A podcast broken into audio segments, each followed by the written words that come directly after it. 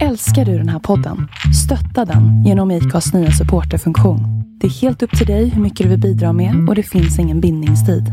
Klicka på länken i poddbeskrivningen för att visa din uppskattning och stötta podden. I'm Sandra, and I'm just the professional your small business was looking for. But you didn't hire me because you didn't use LinkedIn jobs. LinkedIn has professionals you can't find anywhere else, including those who aren't actively looking for a new job but might be open to the perfect role, like me. In a given month, over 70% of LinkedIn users don't visit other leading job sites. So if you're not looking on LinkedIn, you'll miss out on great candidates like Sandra. Start hiring professionals like a professional. Post your free job on linkedin.com/people today. When you're ready to pop the question, the last thing you want to do is second guess the ring. At Bluenile.com, you can design a one of a kind ring with the ease and convenience of shopping online. Choose your diamond and setting. When you find the one, you'll get it delivered right to your door. Go to Bluenile.com and use promo code LISTEN to get $50 off your purchase of $500 or more. That's code LISTEN at Bluenile.com for $50 off your purchase. Bluenile.com code LISTEN.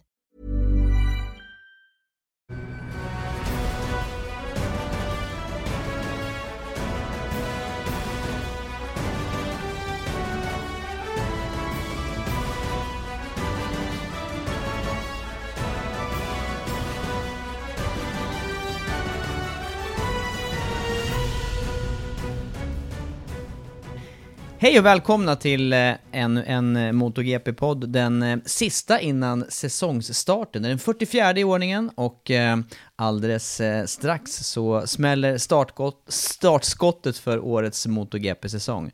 Ehm, Andreas, vi står här nu mitt i natten och spelar in det här. Det har varit mycket med förberedelser inför avfärd till Qatar. Det har ju det. Det är måndag kväll. Klockan börjar närma sig midnatt, är det inte så? Ja. Mm, ja, för mig slår det an den här eh, strängen, det fanns något eh, program, om det var tv-program som hette En röst i natten och ringde in till någon radiostation och så var det grejer som hände. Det känns lite så som att vi är inne på natt... På P4. Exakt. Vi är inne på nattskiftet nu. ja, faktiskt. Och detta har ju med att göra att vi drar ju redan onsdag morgon tidigt, tidigt till eh, Qatar. Äntligen säsongen drar igång. Mm, och det är också där man har eh, gjort de avslutande testerna för året som vi kommer att ägna större delen av tiden i den här eh, podden till. Exakt. Vi ska säga det också att podden kommer ju släppas på torsdag, så då är vi förhoppningsvis redan i Qatar. Eh, och då kommer man ju till en annan fråga. Vad händer på torsdag? På torsdag, ja då är det ju det är stor dag på banan i Qatar. Det är förarpresentationer, teampresentationer, uppställning och ja, lite, lite försmak utav det som eh, komma skall helt enkelt. Du har glömt det viktigaste Tobias. Vad tänker du? Det är första torsdagen i mars. Den är, jag jag är ju inte uppväxt i samma område som du. Men jag förstår att den, jag hör ju hur viktigt det är att säga Ja, det där. ja, jag åt prinsesstårta i helgen. Firade redan. Och för att det blir ju ingen prinsesstårta i Qatar, det kan jag inte tänka mig. Nej, det tror inte jag heller. Jag har inte sett någon, även om vi har sett mycket där i Qatar så har jag inte sett prinsesstårta just. Söta andra bakverk naturligtvis. Men du, första torsdagen i mars, vad, vad är det här liksom? Vad, Nej, men vad det är ju det för smålänningens dag. Den firas alltid. med just prinsesstårta där? Ja, tårta. Mm. Jag trodde det var någon sån här ordvits eller någon, någon träning att säga R, att man ska, ungefär som sex laxar i en laxask för oss andra. Nej, Betydligt svårare. ja, för smålänningar är det helt omöjligt att få till det där. Ungefär så ja. Ja. Ja men det blir inte det, blir kul. Och annars tänker jag att för min del där så handlar det om att bekanta mig med, med nya säsongen i alla fall. Det blir ju lysande. Förra året så kom vi ju lite för sent till Qatar så då hann vi inte göra så mycket på torsdagen. Nu så kommer vi vara med vid den här fotograferingen som alltid sker på griden. Det finns alltid möjlighet att kunna ta några ord med eh, några utav förarna. Det gjorde vi för två år sedan när vi var i tid. Eh, väldigt bra. Och sen har vi faktiskt en intervju som ska göras. Ett reportage som ska göras och som visas då på söndag. Mm, det blir spännande. Det är eh, högintressant förare som det handlar om också. Det är det. Vi behöver inte säga mer nu va? Nej, jag tror inte det. Vi, vi, det blir en sån här cliffhanger till, Ja. till Tre- senare. 13.30 tänkte jag säga, men det är det ju inte. Men 17.30 drar sändningen igång. Ja. Vad har du för känsla nu då i kroppen inför eh, att det ska dra igång? Man konstaterar i alla fall, jag, jag fortsätter här innan, innan du får svara, men eh, det blir ju kortare och kortare uppehåll här under, under vintrarna. Det drar igång tidigare och tidigare. Det har gått eh, extremt fort, vi har varit inne på det i nästan varenda podd här egentligen, att eh, det känns som att det nyss var Valencia, men det är skönt egentligen att det drar igång. Och som vanligt så har man ju en sån där, när man tittar på listan eh, från testerna så man har egentligen ingen aning om hur ska det gå. Det, det känns så. Sen vet vi ju av, av erfarenhet så så kommer det inte vara utan det kommer vara en två, tre, fyra kanske som utkristalliserat sig som, som toppförare och det ska bli intressant att se vilka det blir. Eh, om Petrucci kan vara med där nu till exempel. Mm, jag tycker precis som du är att varenda gång inför säsongen så är det det är ovisst in i det sista och det här är ju en bana där, där det kanske inte är helt talande heller för, för resten av race-säsongen. Så att som vanligt ovisst ända in, ända in till eh, säsongstart. Vi fick faktiskt en kommentar på det. Vi, vi gjorde ju en liten inspelning i fredags när vi var inne på, på Viasat och hade lite upptaktsmöte. Den släpptes på Facebook under dagen här, alltså på måndagen. Eh, och då kom det en kommentar där som skrev att eh, hur kan ni i, formulera om det lite grann, men hur kan vi säga att det är så himla jämnt hela tiden när de sista sex åren så har vi en världsmästare som vunnit fem gånger? Bra fråga. Mm. Och för jag är ju fascinerad över att det är Marcus som ändå har, har lyckats göra det med de små marginaler som, som är i sporten nu och som är med, eh, med reglemente och eh, jämnhet både förarmässigt och maskinmaterialmässigt. Men hur lyckas han då vinna? jag tror, jag tror att, ja, men jag tror att det hänger ihop med hans, delvis så hänger det ihop med hans vilja och förmåga att göra de här krascherna som han faktiskt gör. Han, han kliver över gränsen var och varannan helg, någon gång under helgen. Det betyder att han, han eh, pushar gränserna lite extra. Det är kanske det som behövs. Mm. Kanske. Kanske. Ja, vi eh, har i alla fall här nu då, om vi ska komma in på programpunkterna för, eh, för denna podd. Precis har det avslutats eh, Moto 3 och Moto 2-tester. Vi har ju inte pratat jättemycket om det i eh, de tidigare poddarna, men det är värt att nämna de här två eh, matarklasserna. Vi har eh, eh Moto 3 då, eh, som är den minsta klassen, och Moto 2 där det är stora reglementsförändringar, vilket har gjort eh, eh testresultaten är intressanta att eh, studera. Men om vi börjar med minsta klassen här, Moto 3, som, som har varit på plats tre dagar. Eh, avsluta med de bästa möjliga förhållandena. Eh, vad vill du ta tag i där Andreas? Vad är det som eh, sticker ut eh, i form av förare eller team eller maskinmaterial där? Ja men de hade ju sitt eh, avslutande, både Motor 2 och Motor 3 var på plats i Qatar, hade sitt test här nu under helgen, fredag, lördag, söndag.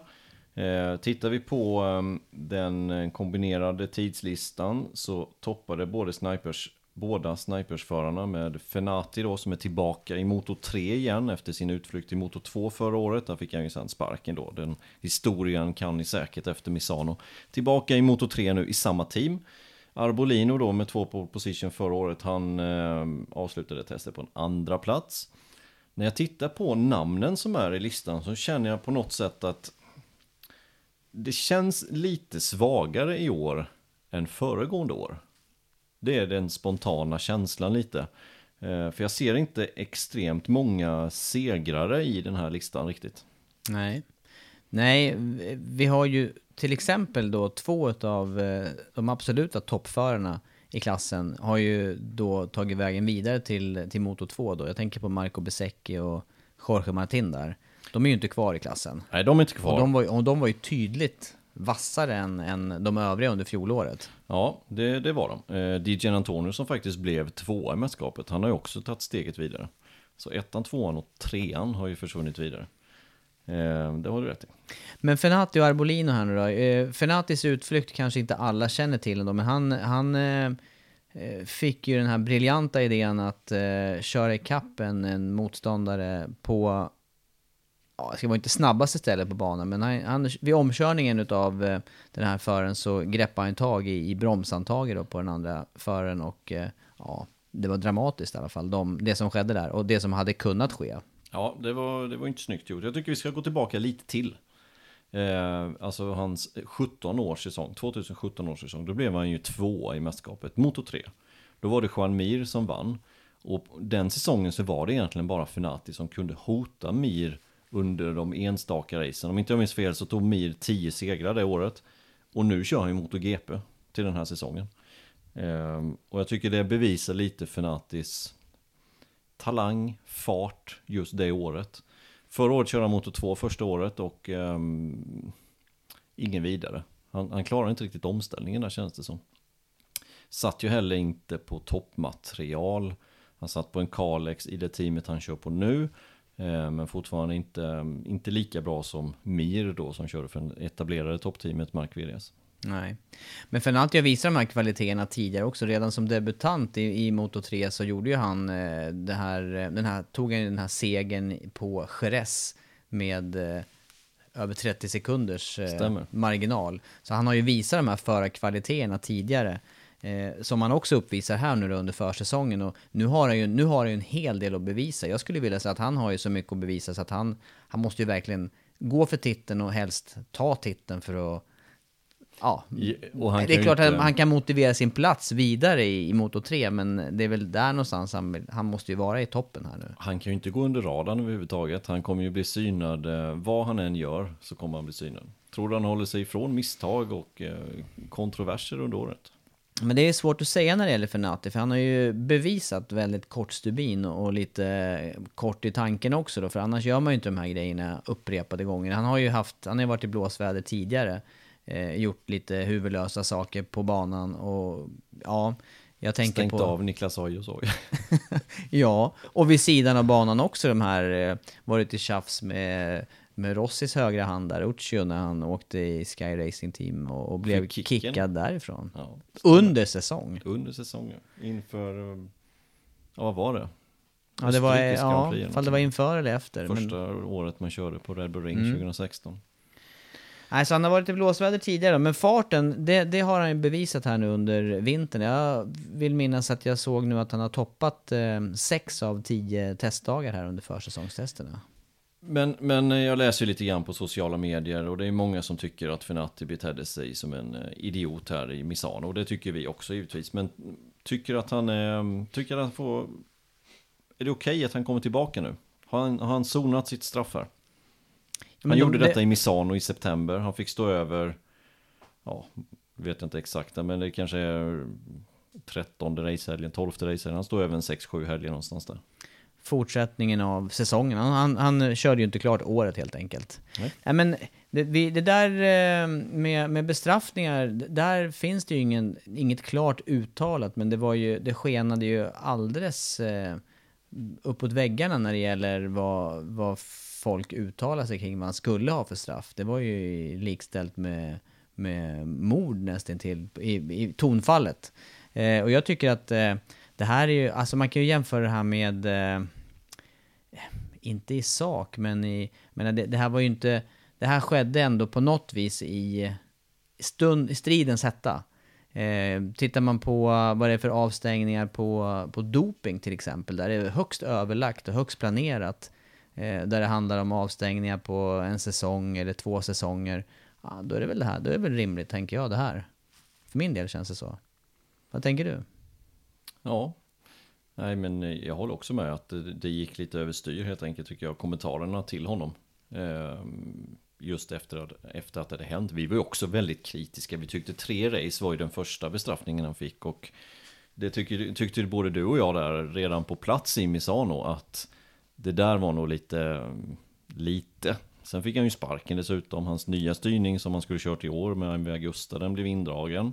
Så han fick ju sitt straff ändå, plus då att licensen drogs i ett senare skede. Vilket jag tycker också var rätt, men jag tycker också precis som du att han har eh, sonat sitt brott nu. Men sen så har han ju inte råd att göra mer dumheter. Han får ju inte, alltså, säkringen får ju inte brinna en gång till liksom. Det får ju vara nog nu.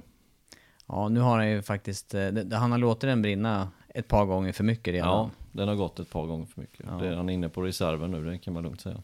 Du var inne på Arbolino också som blir teamkollega då med Fenati här och eh, han kommer ju, tror jag, få draghjälp av Fenati den här säsongen. Då. Arbolino har ju för sig egen erfarenhet av att åka fort. Han, som du nämnde här, har tagit två pole. Han tog eh, pole i Valencia och i Argentina.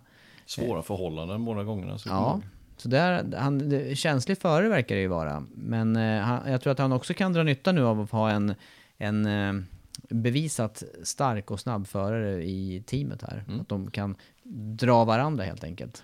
Det tror jag också. Eh, han kommer att nytta det. Han är ung förare, mycket att lära fortfarande, Arbolino. Så att, eh, absolut.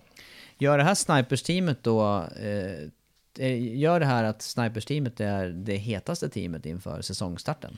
Med båda förarna, absolut, tycker jag det. Eh, Leopard Racing vet vi vad de kan. Dalla Porta som fick sitt eh, genombrott förra året egentligen. Visat bra på testerna. Nu har de fått en ny teamkamrat med Ramirez. Frågan är om han kan steppa upp en nivå till jämfört med förra året. Inte riktigt visat det på testerna, men... Eh, men, eh, ja, kanske. Ja. Dalla Porta och Leopard Racing då. Leopard Racing med eh, eh, tidigare VM-titlar. De, de starka teamen här i klassen har ju varit Leopard Racing, det har varit Mark VDS och sen KTM de senaste åren. Ja, och, och går vi till Mark VDS där så har ju de mer satsat på unga förare. Eh, de hade en rookie förra året, de har tillsammans med Canet, nu fick ju inte Canet vara kvar, då tog de in en rookie till. Eh, som visserligen vann då spanska mästerskapet, men eh, fortfarande så är de ju oerfarna på GP-nivå. Så att de har satsat, eh, satsat ungt denna säsongen. Lite tuffare då kanske med eh, den här yttersta kampen om en titel. Ja, det, det känns så faktiskt, jag håller med. Canet nämnde du här då, han eh, kommer ju köra som enda förare för ett nystartat team och det, det känns ju intressant. Han har också varit bra med på testerna, varit snabbaste KTM-förare hittills. Max Biaggi där som eh, har gått in och startat det här teamet. eh, och eh, Eh, tredje plats efter testerna i Qatar. Och det känns som att Canet som var trea i mästerskapet för två år sedan, lyckades ju inte alls förra året. Var ju också inblandad i många kontroverser ska vi säga. Han körde omkull folk, började i Argentina. Eh, fortsatte sen i Jerez, eh, så att han hade en ganska dålig säsong också. Och sen resultatmässigt så hade han ingen flyt heller. Så att han har lite på något sätt kniven på struparna nu känns det som den här säsongen. Nu har han bytt till KTM. Och frågan är då om, om det blir ett lyft för honom eller tvärtom. Det beror ju lite på var KTM befinner sig. Kollar vi på Besekis hoj förra året så gick ju den som en raket på raken. Så det kan vara rätt läge. Det gick ju till och med, Besekis cykel gick ju bättre än eh, fabriksteamets cyklar. Ja, definitivt. De hade stoppat i någonting i den som var bra. Ja, absolut så. Och eh, om vi hänger kvar vid KTM så blir det ju också, tycker jag, intressant eh, att följa eh, den här unga turken då, Can Öncü, som eh, debuterade i Valencia och som, som gjorde det med en, ja det var ju verkligen en, en skräll. Han, han segrade i racet. Han tog, tog segern i sitt första, första VM-lopp någonsin. Han gjorde det. Eh, Det höll på att sluta illa dock, sista varvet. Vi, vi pratade om det flera gånger, kurv 8 när han höll på att åka på en highsider. Och vi vet ju det, highsider med en motor 3, det är sällan man eh, reder upp sådana saker. Han lyckades göra det dock. Och tog segern där, kvalade ju fyra dessutom. Så att en grymt bra helg för, eh, för Canunci. Däremot så tror jag att han eh, jag tror han kommer få det lite tuffare i år faktiskt. Det kommer inte vara det här eh, toppresultat efter toppresultat och segrar och slåss om mästerskapet. Det tror jag inte han eh, är kapabel till. Vi ska nämna det, han, han har ju en eh, titel då, men det är ju inte en VM-titel, men han vann ju Red Bull Rookies Cup förra året och det gjorde han överlägset i, i kamp med sin eh, tvillingbror. Han gjorde det, men tittar man på de, de eh, segrarna från Red Bull Rookies Cup förr i tiden så behövde ju Martin till exempel, han behövde fyra säsonger på sig innan han tog sin första VM-titel. Och första två säsongerna, då körde han visserligen Mahindra, men fortfarande så var det ju ingen, ingen succé. Eh, så att eh, jag tror Önsjö behöver någon säsong här för att se och lära lite. Även fast han då vann sista racet. Kanske kan skrälla återigen då om det skulle vara några sådana förhållanden som det var just i Valencia med blött. Ja, intressant i alla fall med de här förarna som kommer. De har fått, de har fått försmak på de banor som används i stor utsträckning, i alla fall de europeiska banorna. Eh, och eh, de är definitivt vana att, eh, att fightas man mot man på banan. Ja, verkligen. Jämna, jämna race. Vi, har varit, vi har snurrat förbi här med några få namn. Är det något, eh, av, eh, är det något namn du tycker vi saknar här i, eh, i snacket om Moto 3 då? Efter, efter då testerna och eh, känslan inför säsongspremiären? Ja, men någon som, någon som jag trodde och tror kan blanda sig i eh, titelstriden det är ju Rodrigo. Han har ju eh, bevisligen farten. Eh, behöver hålla sig lite mer på hjulen, har bara en pallplats om inte jag minns fel i GP eh, i Moto 3. Eh, och han bröt ju nyckelbenet här precis eh, andra dagen tror jag det var, alltså i lördags under testerna så bröt Rodrigo nyckelbenet. Eh, han har ju bytt team från det RBA Boe-teamet till Gresini, toppteam, tagit över Martins eh, styrning eller Didier Antonio blev ett av två som sagt i Gresini så det är ett riktigt, riktigt toppteam. Det här har varit Rodrigos eh, svaghet, tycker jag, de här senaste säsongerna. Han har ju varit extremt snabb, olika tillfällen, men inte lyckats få till det i racen fullt ut och, och sen också haft en förmåga att krascha lite för mycket. Exakt, eh, och det behöver man ta bort. Och det, det, känns på något sätt som att nu kommer han till ett toppteam, att han skulle göra det. Gjorde sin första och enda krasch, krasch nu då på försäsongen och så, så knäcker han kragebenet. Ja, icke bra. Nej. Nej, det är, eh, ja, det är problem. Har du gjort det själv någon gång? Nej, inte nyckelbenet, men skulderbladet har ju gått sönder och det var ju lite värre där. Men, men eh, Rodrigo flög till Barcelona här redan under söndagen och är redan opererad. Kom hem från sjukhuset igår, men ja, vi får väl se om han kommer till start i helgen. Det är väl tveksamt. Han siktar ju på det, men det gör ju alla förare innan medicinen har släppt.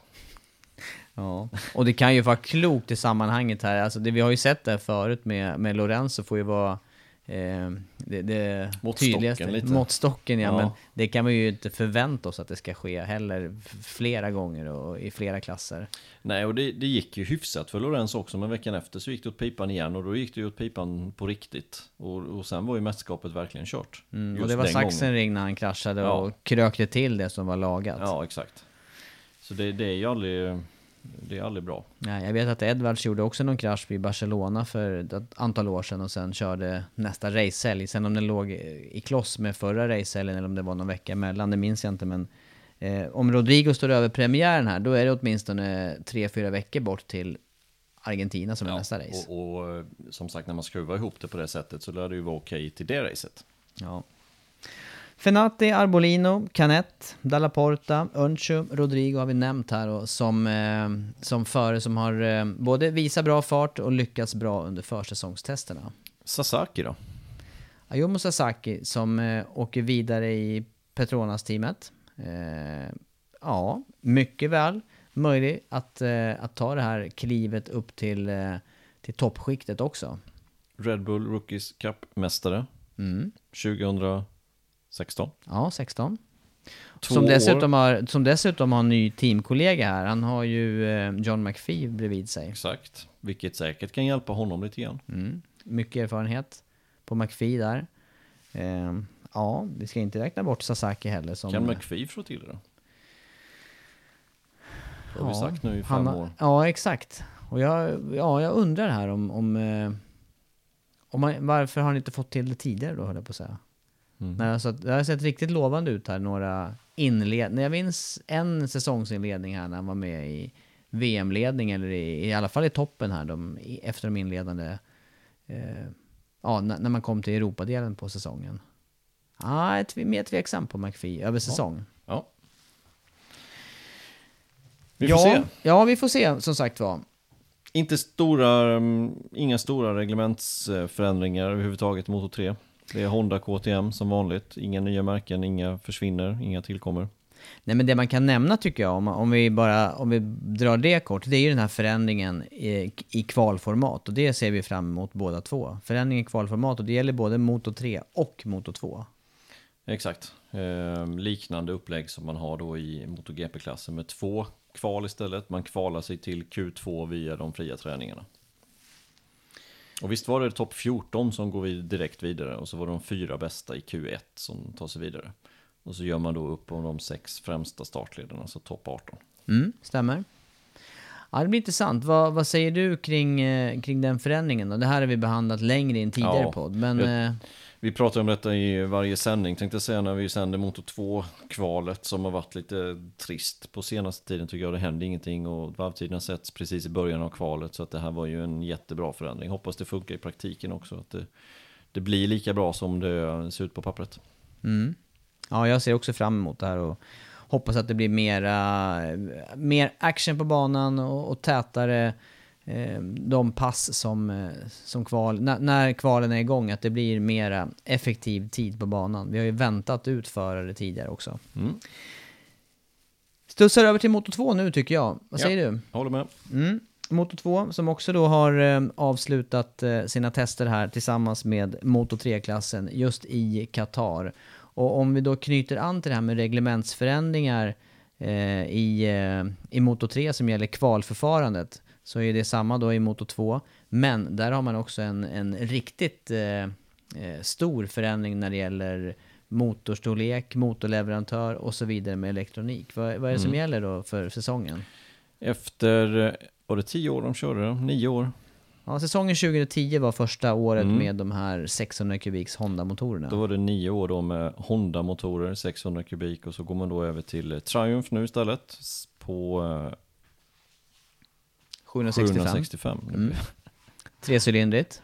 Ja, låter betydligt eh, roligare, lite mer effekt, eh, mer elektronik, dock ingen traction control, men launch control kommer man ha. Man kommer även ha sådana blipper, alltså eh, att man eh, slipper koppla in i svängen. Hade ju pa- passat Mattia Passini som handen i handsken, men han är ju inte på plats tyvärr då. Nej, nej, det är märkligt faktiskt att han Såg inte faktiskt fick. att han hade fått jobb här hos eh, Sky tror jag det var. Som Mhm. någon typ av expert Ja. i deras gäng. De var ju bara 28 stycken Ja, eller de, behövde, liknande. de behövde närma sig 30 då. De behövde fylla upp där lite, de var inte så många på plats varje race. Nej, nej men stora, stora reglementsförändringar. Det här ser jag fram emot. Eh, innan, innan det blev fyrtaktserad, då var det ju, då var det ju GP, GP250. Nej, nej, 250 GP var det. 250 GP, Ja. det är så det heter. ja, så var det. 2009 kördes det sista året. Ja. Världsmästare där då? Hiroshi Aoyama. Mm. Vem vann 2008 då? Marco Simoncelli. Jag tänkte säga, det var en italienare, men... eh, Vem vann ja. 2007 och 2006 då? Ja men nu får du sluta. Lorenzo. Vem vann 2005 och 2004 då? Nej jag vet, det skulle aldrig, jag skulle aldrig ha lett in dig på det här. Det är som ett, det är som ett levande uppslagsverk. Ja, det är roligt att du kan dina gamla världsmästare. Men eh, den här förändringen då, vad eh, kommer den att göra för, för förarna och för racen? Förhoppningsvis lite mer jämna race. Så var det ju inledningen av Moto 2-eran tycker jag. Eh, men jag tycker senaste åren så har det blivit lite mer utspritt. Eh, racen, det har, det har satt sig ganska tidigt racen. Lite som, lite som MotoGP var sista åren med Bridgestone. Det var liksom fullt ös från början och sen så höll sig det ganska konstant. Det var svårt att ta igen de här små misstagen man missade i början. Så tycker jag Moto 2 har varit senaste åren och ganska jag ska inte säga förutsägbart, men, men inte långt därifrån. Lite så. Och det har bara varit eh, ett par, tre förare som verkligen har slå, slagits i täten. Eh, det hoppas jag inte kommer upprepas, utan jag tror att det kommer bli lite jämnare race, speciellt i inledningar av den här eran nu med Triumph-motorer. Eh, tittar vi på hur det har sett ut under försäsongen så har Kalex ett definitivt övertag. Det, det tycker jag. Jag tycker KTM har inte riktigt eh, hittat rätt än så länge. Eh, det såg bättre ut nu i, Qatar med KTM. Eh, men i början av eh, försäsongen, alltså i slutet av förra året, då, då såg det inte alls bra ut för KTM. Då var det Kalex för hela slanten. Mm. Och det du snackar om nu, det är chassina här då som är fria och det är det, det, är det som är fritt i klassen. I övrigt så är det enhets... Eh, allt, allt annat är eh, lika mellan, mellan teamen. Eh, men det här med, det här med förändring, den här stora förändringen i eh, reglemente, hur påverkar det nytillkomna förare då? Som, som till exempel då de här topp tre från Moto 3 som, som kommer upp i Moto 2 i år då med Martin, med Besecki Besecchi och eh, Di Det känns ju som att de borde få lite svårare väg, lite större kliv från Moto 3, men jag är inte säker på att det kommer spela så stor roll i sista änden faktiskt. Eh, det känns som att den förändringen de har gjort, den är stor för klassen, men jämfört med Moto 3 eller från MotoGP så är det ändå en ganska minimal förändring. Är du med ungefär jag tänker där? Att det inte är så stor skillnad ändå om man kommer varken från uppifrån eller nerifrån. Nej. Eh, Det är dock en föränd stor förändring i Moto 2-klassen. en eh, tanke bakom det här också, visst har det varit också att man vill ha lite mera likt MotoGP för att kanske förbereda förarna ytterligare eh, Kommer alltså, det bli det då? Ytterligare bättre förberedda för MotoGP. Ja, kommer det bli det då?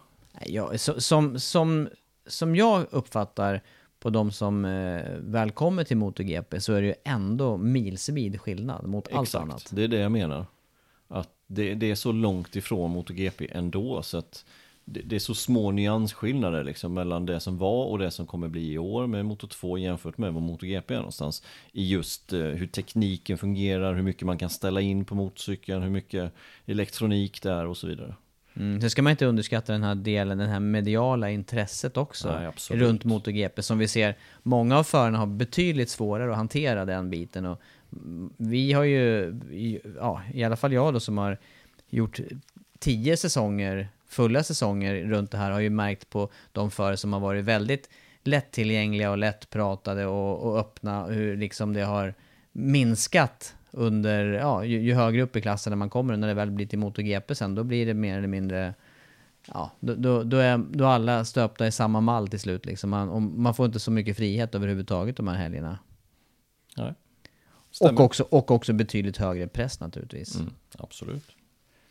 Men eh, de före då som, eh, som vi ser här har eh, varit, presterat bra här nu då i det avslutande testet. Där, där är ju ett namn som har varit upp och vänt i MotoGP och kommer tillbaka nu och varit väldigt stark på slut. Jag tänker på Sam Lowes här. Även han som är två Selling a little or a lot? Shopify helps you do your thing however you cha-ching. Shopify is the global commerce platform that helps you sell at every stage of your business. From the launch your online shop stage to the first real life store stage, all the way to the did we just hit a million orders stage. Shopify is there to help you grow. Shopify helps you turn browsers into buyers with the internet's best converting checkout. 36% better on average compared to other leading commerce platforms because businesses that grow grow with Shopify. Get a $1 per month trial period at shopify.com/work. slash work. shopify.com/work. slash work.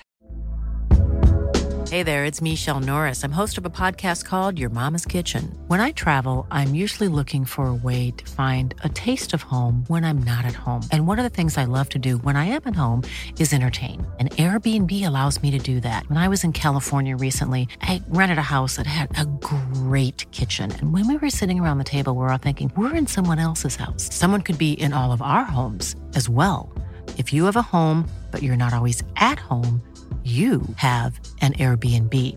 Your home might be worth more than you think. Find out how much at airbnb.com/slash host.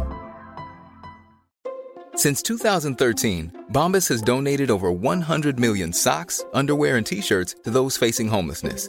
If we counted those on air, this ad would last over 1,157 days. But if we counted the time it takes to make a donation possible, it would take just a few clicks. Because every time you make a purchase, Bombas donates an item to someone who needs it. Go to bombas.com slash ACAST and use code ACAST for 20% off your first purchase. That's bombas.com slash ACAST, code ACAST.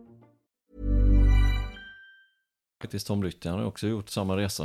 Eh, så det är väl de två, det är Sam Lowes före just Tom Lytty.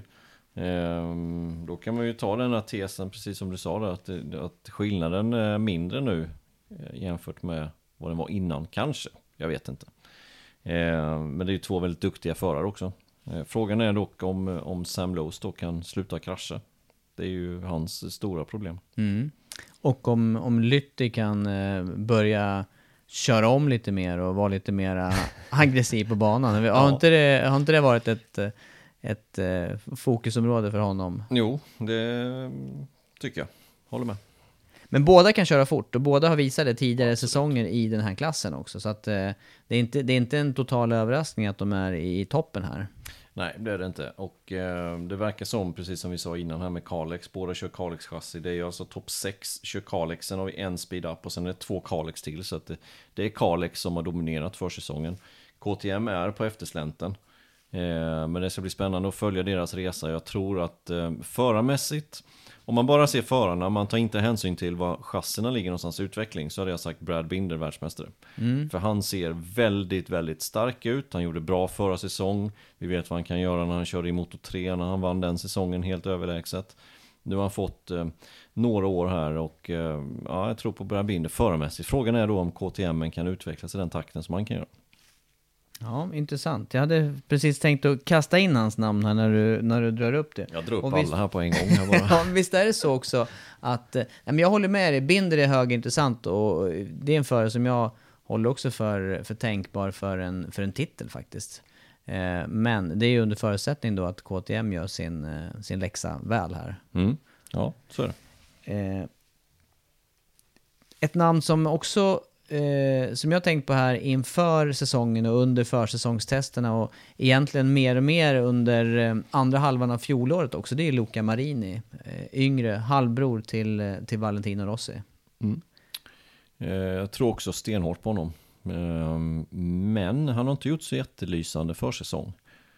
Kanske gå i sin eh, brors fotspår där också. Att spara det till racehelgen när det väl gäller. Men, eh, men det ser inte superlovande ut när man tittar på försäsongen just för Luca Marini. Men förra året var ju... Nej, förra året var ju ett riktigt bra år faktiskt. Speciellt avslutningen för Marin. Ja, eh, Thailand var ju sånt där eh, exempel som för mig hänger kvar på näthinnan med Marini, med Banyaya då i team och sen så fight då med Binder och Oliveira. Ja, Ja, häftigt var det. ja det var jättehäftigt. Och han körde ikapp dem och sen så blev han ju tvåa till slut. Marinis eh, inställning också på något vis imponerade förra året på mig med, eh, med skallen var med i det här och han var ödmjuk inför resultaten men ändå så märkte man att hans egna på något vis eh, krav eller den, den ribban satt upp för sig själv, den, den hade höjts ett snäpp. Jag håller med, väldigt, det känns som en, en mogen förare både, ja, både mentalt och hur han kör på banan. Eh, Så det blir väldigt spännande att se om man har det här sista lilla edgen för att kunna vara med och utmana om segrar och mästerskap. Något eh, av de övriga namnen där som du vill eh, lyfta fram här utav, eh, som, som kan vara med och slåss här i toppen? Ja men Vierge byter ju team nu igen för tredje gången på tre säsonger. Eh, körde ju för Dynavolt Intakt-teamet förra året. Nu går han till Mark VDS, tar över Mirs styrning jämte Alex Marquez. Frågan är vad de två kan göra. Vierge som rankas högt av speciellt då RV Poncharal i Tektra. Eh, men även av eh, annat folk också. Jag har inte, jag måste säga, jag har inte riktigt sett det. Jag har inte riktigt sett det som de ser. Så det ska bli intressant att se om, om, det, om det kan släppa för honom. Ja, men jag är inne på eh, att han... eh, Jag skulle nog vilja lyfta honom lite mer än vad du låter här. Nej men ju- absolut han kan slå som segrar definitivt. Men att han är nästa superstjärna. Mm, han hade ju en skada förra året där i eh, Österrike. Eh, jag vet inte hur mycket det hängde kvar vidare där sen, men... Ja, jag, jag, jag, jag är spänd på vad han kan göra under säsongen här i alla fall. Jag också. Eh, riktigt toppteam sitter han i som sagt. Och eh, bra teamkamrat som har varit där många år. Frågan är om han ska få det att släppa. Vi pratar om Alex Marquez. Han behöver ju få det att släppa nu. Han har kört där nu sedan 2015 i det teamet. Känns som han kört fast lite grann ju. Lite så. Jag, jag tror mer på Vierge i det här läget, faktiskt.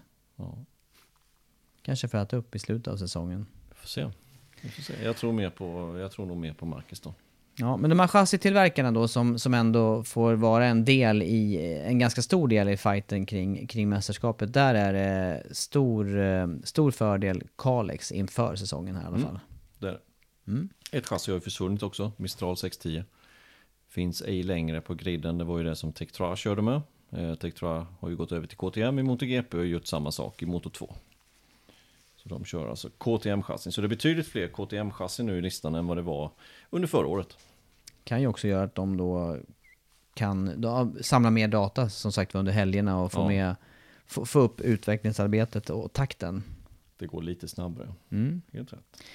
Du, innan vi drar igång eh, analys eh, av eh, MotoGP och eh, deras tester och, och inför eh, säsongspremiären.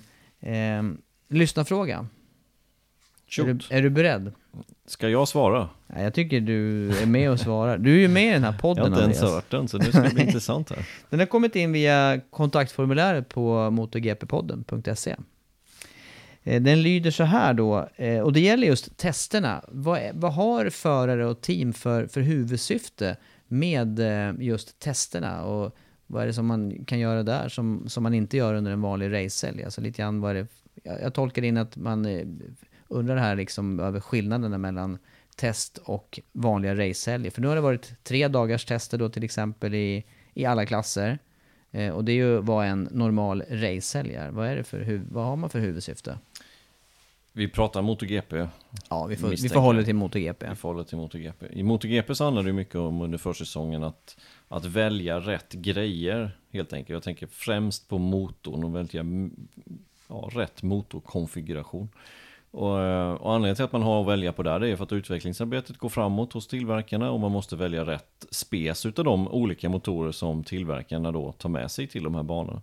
Och anledningen till att det är viktigt är för att den låser sen efter när säsongen börjar på fredag då är det den motorkonfigurationen som gäller för tillverkarna. Man får inte hålla på och byta motorer utan det är den som gäller helt enkelt.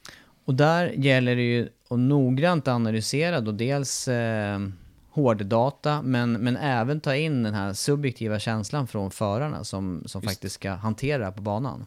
För det ska hanteras effekten, det är det som är själva grejen. Eh, tillverka en motor med mycket effekt, det reder tillverkarna ut. Men det ska vara körbart också ut ur svängarna. Tittade senast idag faktiskt här lite tidigare på ett ombordvarv från, jag tror det var Marquez, ifrån eh, Qatar i och med att vi ska dit. Och det är mycket åkandes på andra växeln genom svängarna. Jag tror det var en 6-7 kurvor som man alltså tog på tvåans växel. Eh, och ta sig ur svängarna där, det kräver körbarhet helt enkelt. Och få ner greppet i asfalten. Så att motorn är extremt viktig. Sen handlar det ju i övrigt utvecklingsarbete. Chassi, elektronik, fjädring. Och även föraren behöver ju komma igång igen. Mm. Ja, och vad, vad eh, när man då tittar på eh, tid på banan så, så ser vi ju att det är stor skillnad i hur många varv och hur många kilometer som hinner med att läggas under testerna jämfört med en, en ordinarie racehelg också. Ja, en racehelg är ju, det är ju det där sista lilla som man ska göra på ett test. Då hinner man ju testa de här konstiga grejerna som man kanske inte riktigt tror på men som ändå teknikerna vill att man ska prova och, och sådana här saker. För att komma framåt i utvecklingsarbetet och göra back-to-back-tester och, och sådana här saker.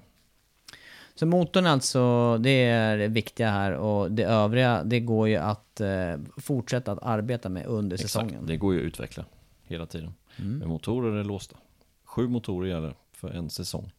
Du nämnde Marcus här, eh, jag vet att de verkar ha fått till eh, toppfarten nu på, på Hondan. Vi hade högsta toppfartsnoteringen här på testerna. Ja, visst var det så? Ja, jag tror det. Till och med bättre än Ducati. Såg du någon siffra? Ja, det var inte som... eh, Petrucci har ju totala rekordet ja, där. 350 någonting, är det Ja, så? styvt. 351, komma någonting. Men eh, det var någonting, det var strax under 350, 348 skulle jag säga. Utan att, jag vet att det var strax under i alla fall. Men det kan ju också bero på eh, vindar och, och förhållandena just under de här eh, dagarna. Men det är ju inte bara, vad heter det, det, det du är inne på här med, med körbarheten ut ur sväng, det är ju det som i slutändan också ger toppfarten. Toppas. Ja, visst är det så. Absolut. Ja, intressant. Det är någonting som Yamaha klagar på dock. Det är just toppspeeden som Rossi inte tycker riktigt räcker till hos Yamaha just för tillfället. Ja, men har de inte också klagat på just fäste ur svängarna, det här mekaniska fästet och att man kanske då får vänta med det kan ju vara den här lilla, lilla tiondelen eller några hundradelar med, med påslag eller att man inte kan slå på så hårt som, som det är tänkt ur sväng. Visst? Ja, det blir intressant att se i alla fall när, när väl race, eh, racen startar. Det är, då, det är då man får kvittot, det slutliga kvittot på det här. Så är det alltid. Jag hoppas vi uttömde den eh, lyssnarfrågan. Eh, MotoGP-podden.se Kontaktformuläret där kan ni alltså inkomma med eh, vidare frågor till kommande poddar. Hoppar vi till MotoGP nu då, tycker jag. Det är, min, det är mitt förslag Andreas. Är du beredd? Ja, jag är fullständigt beredd. Vad bra. Eh, vi, eh, nämnde under förra podden att eh, det är svårt att analysera de här testerna. Dels för att det är jämnt, det är bara en sekund som skiljer topp 15 efter avslutande testdagen i MotoGP. Och det är också så att det är svårt att urskilja eh, om det är varv som eh, förare som är snabba på enskilda varv eller över eh, distans. Men du kanske har några vidare tankar kring det nu när det har eh, gått en vecka sedan testet? Eh, men eh, det har utkristalliserat sig några som eh, körde bra på den här eh, long runsen. Petrucci faktiskt, jag tittar på tiderna, riktigt imponerande race-stint av eh, Danilo Petrucci. Eh, jag tycker även Vinales var med bra och sen har vi Alex Rins. Och det, nu, nu sa jag två, nästan alla tre där. Kommer de vara med? Nu frågar du mig här. Ja. Kommer de vara med liksom när eh, Förra året så var inte någon av dem med riktigt i mästerskapschansen, tänker jag nu. Jag skulle vilja att vi avslutar den här podden lite längre fram nu med att tippa världsmästare Okej, i klasserna och kanske topp tre också. Men om vi tittar på, på just premiären här, då, då skulle jag säga att vad som helst kan hända. Petrucci kikade vi lite mer på också under, visst var det fjolåret när vi kunde jämföra Petrucci och, eh, och Dovizioso i premiären här? När, Ja, när, när vi tittade lite grann på, på körstil och vad som betalade sig i slutet av racet. Det var ju där Petrucci hade lite sämre start och fick Ja. vara mer aggressiv och Exakt, och köra lite tajtare spår in och köra lite tajtare spår ut och, och körde slut på däcken helt enkelt. Och det är hans kritiska sak. Men, men eh, och, och frågan är ju hur, hur han reagerar när det blir race. Det är en sak att, att ligga i Qatar nu med noll i publik och, och liksom bara köra runt och det är ingen press överhuvudtaget egentligen. Tills vi kommer till ett race, det är en helt annan sak. Men riktigt bra race, det inte gjorde han. Ja, och med flygande start och med... eh, Vi, vi, vi vet ju vad mycket som kan hända. Vi får väl vara tillbaka då till det här med, eh, med vad, som, eh, vad som händer under kval och de inledande racevarven också. Precis. För hur, för hur raceutgången blir menar jag. Absolut. Men Petrucci ser helt klart het ut och han har också, vi har sagt det tidigare i den här- podden, eh, kniven på strupen när det gäller att prestera resultat. För han har bara ett års kontrakt med Fabriks Ducati nu då, bredvid eh, Dovizioso. Ja, eh, så är det. Och likaså Jack Miller då på den andra GP19, eller den tredje GP19-cykeln, är också bara ett års kontrakt. Så det är egentligen, på något sätt känns det som att de slåss ju om den platsen i fabriksteamet. Är, det fabriksteam, är Ducatis fabriksteam det fabriksteam man vill vara i nu då? Eller är det andra märken, Honda, Yamaha, Suzuki som, eh, som eh, ser starka ut inför året? De ser starka ut alla fyra där som du nämner faktiskt. Riktigt bra allihopa. Eh, om just Ducati är den absolut bästa cykeln att sitta på? Eh, ja, kanske. Med rätt förare. Jag tror det beror mycket på hur man kör. Eller det beror mycket på vilken körstil man har.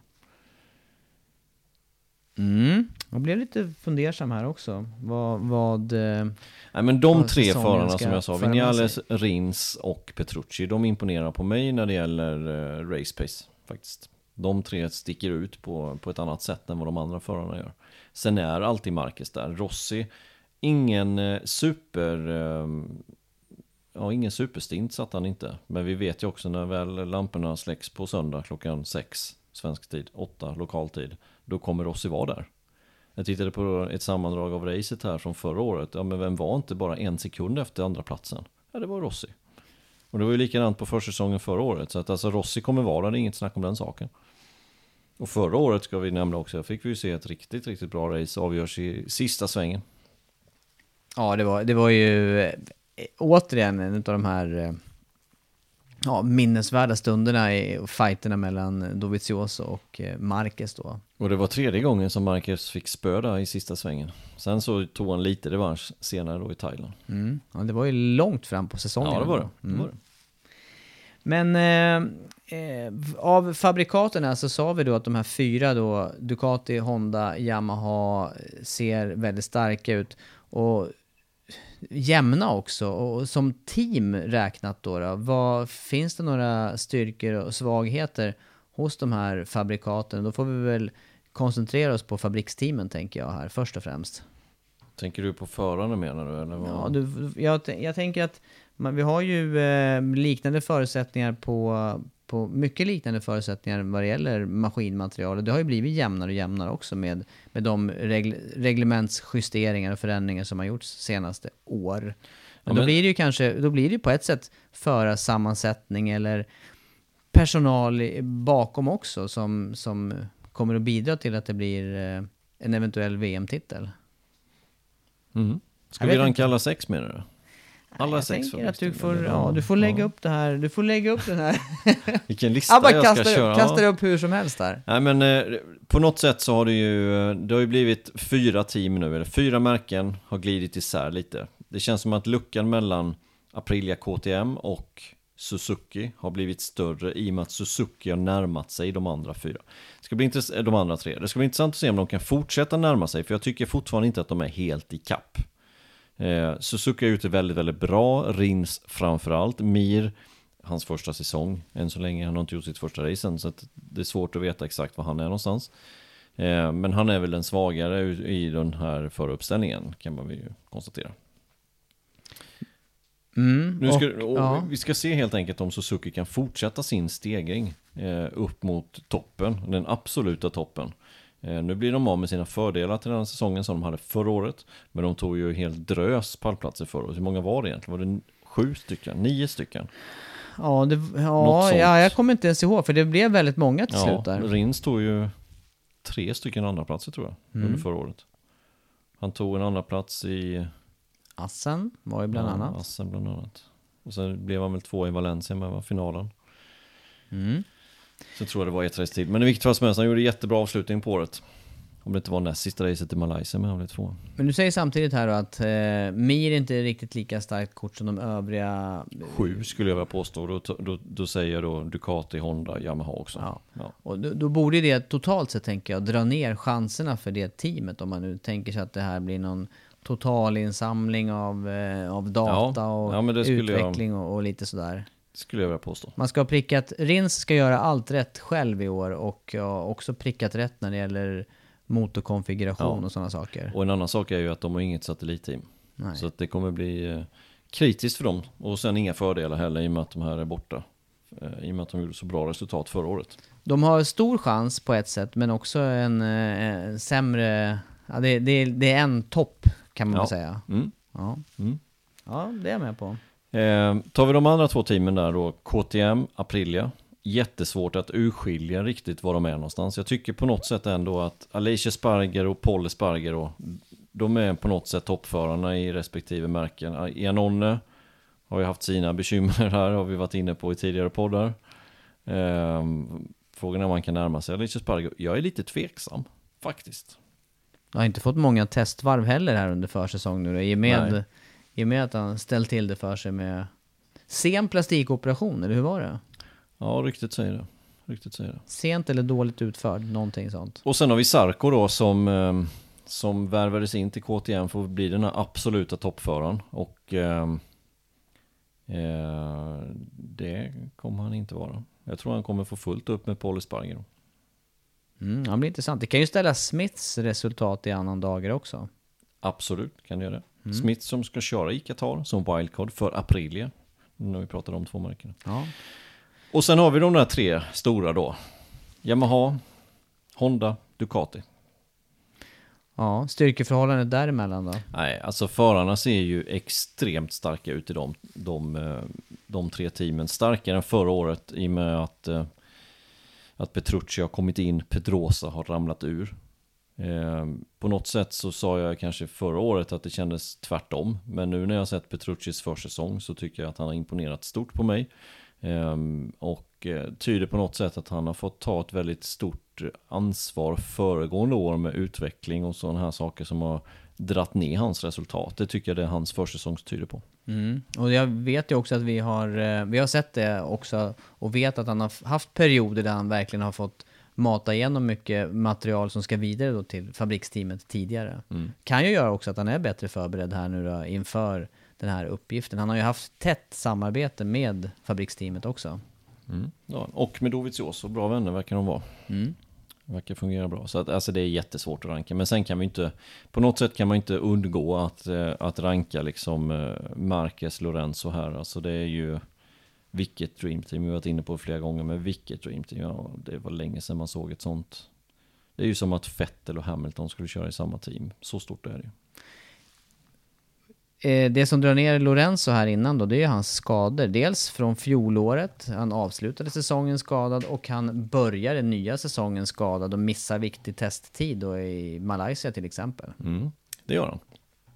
Och även att Crutchlow har varit skadad. Och även Marquez har varit skadad. Så alla tre toppförare, fabriksförare för Honda har varit skadade. Eh, och ja, nästan är skadade. Crutchlow och Lorenzo är inte helt hundra. Marquez är bättre. Eh, och det kan ju dra ner utvecklingen eh, på Hondan helt enkelt. Så det är väl det som är lilla orosmomentet just där. Yamaha då, om jag nu får, får jag inleda där då? Tar jag tar ordet Kör, från dig? kör. Eh, där eh, har vi ju sett nu ett par säsonger med eh, Rossi och Vinales då i team. Och eh, det intressanta där, eh, det blir ju att se vad eh, Yamaha har valt för, för väg här. För de har ju på något vis haft olika önskemål de här två förarna. Och man har gått omväxlande på Vinales och Rossis önskemål. Och det har ju nästan återspeglats i deras resultat också. Har man, I alla fall är det det de låter framskina utåt. Mm. Ja, det, det ska bli, det, det är så jättesvårt att säga var Yamaha är någonstans. Just i dagsläget. Det går inte.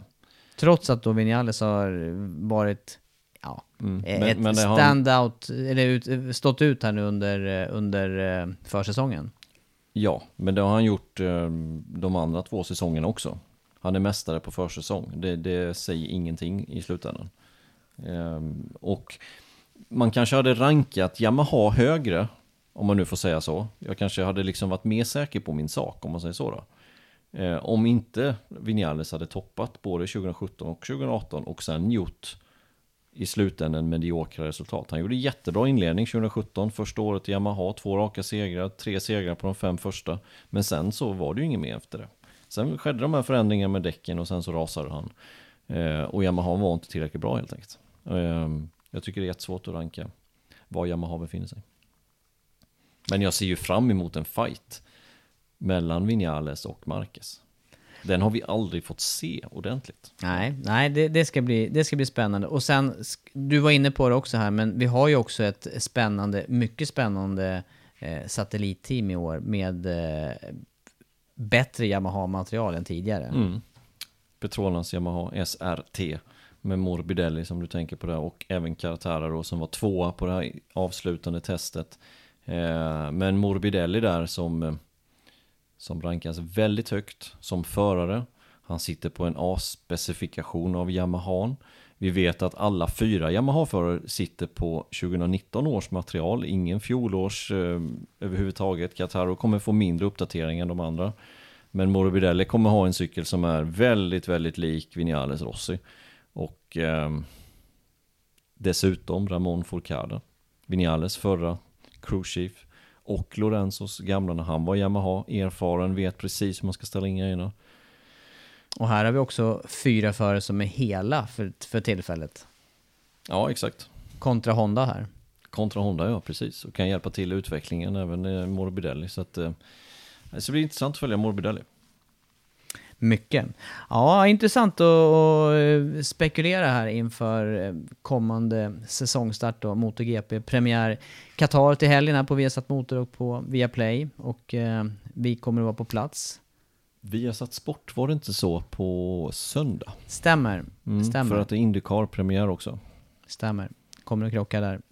Sändningsmässigt. Men du, innan vi avrundar eh, för den här gången så ska vi väl, eh, ska vi inte försöka oss på någon eh, tippning här? Eh, världsmästare i Moto 3 och Moto 2.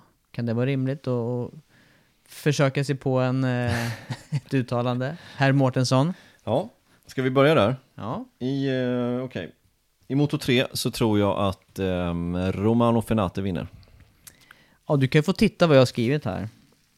Jag har skrivit Fenati också. Du har också skrivit den? Mm. Ja. Vi har ju försökt sådana här tippningar tidigare.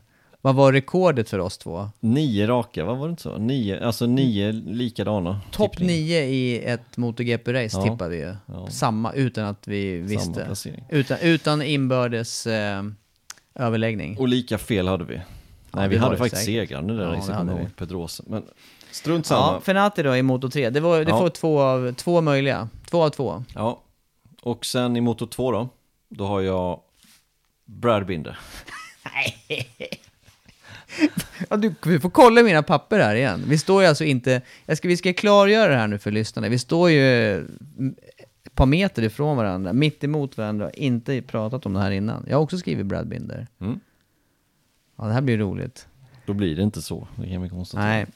Men i MotoGP, där, där borde du väl... eh, ska vi inte ta ett steg till här nu och ta hela pallen där? Ska vi alltså prova? to, på totalen.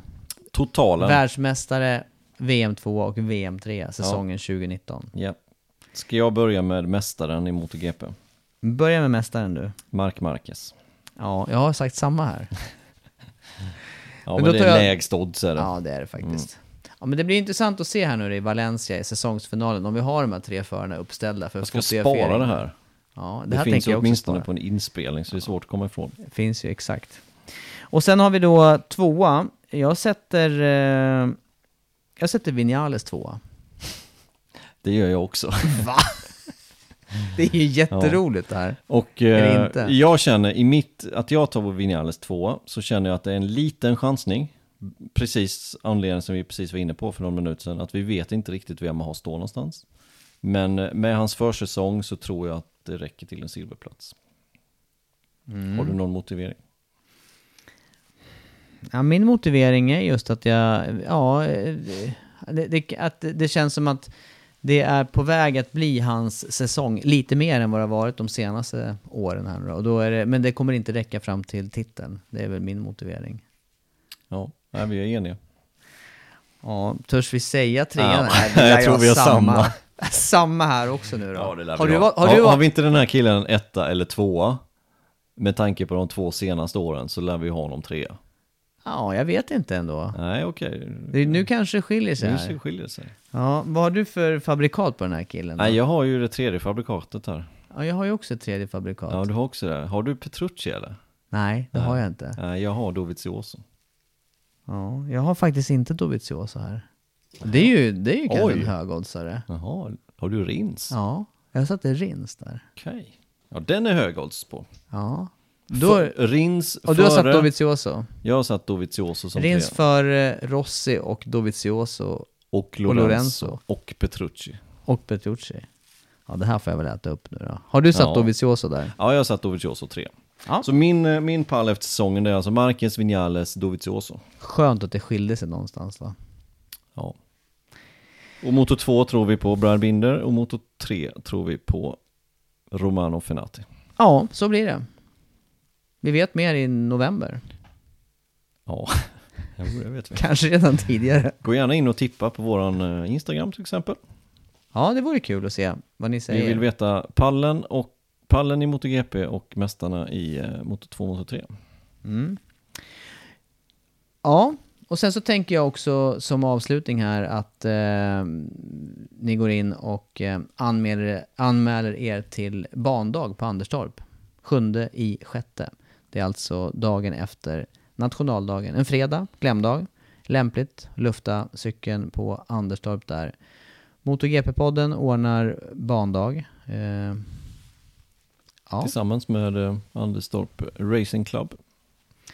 Det finns eh, alla möjligheter för att det här blir en bra dag på en eh, riktigt bra bana som eh, framförallt du Andreas har kört många mil på. Mm, det kan vi. kan man säga att du har lärt dig köra motorcykel där till Ja, det kan man faktiskt göra. Kanske blir någon av de som eh, kommer nu då på, på den här bandagen som blir nästa, Får hoppas. nästa svenska mästare. Superbike. Ja, varför inte? Kanske. Så är det. Nu avrundar vi och eh, ser fram emot säsongspremiären i Qatar. Ni hänger med oss såklart. Vi har satt motor och vi har satt sport då på eh, premiärracet. Tack för oss. Tack.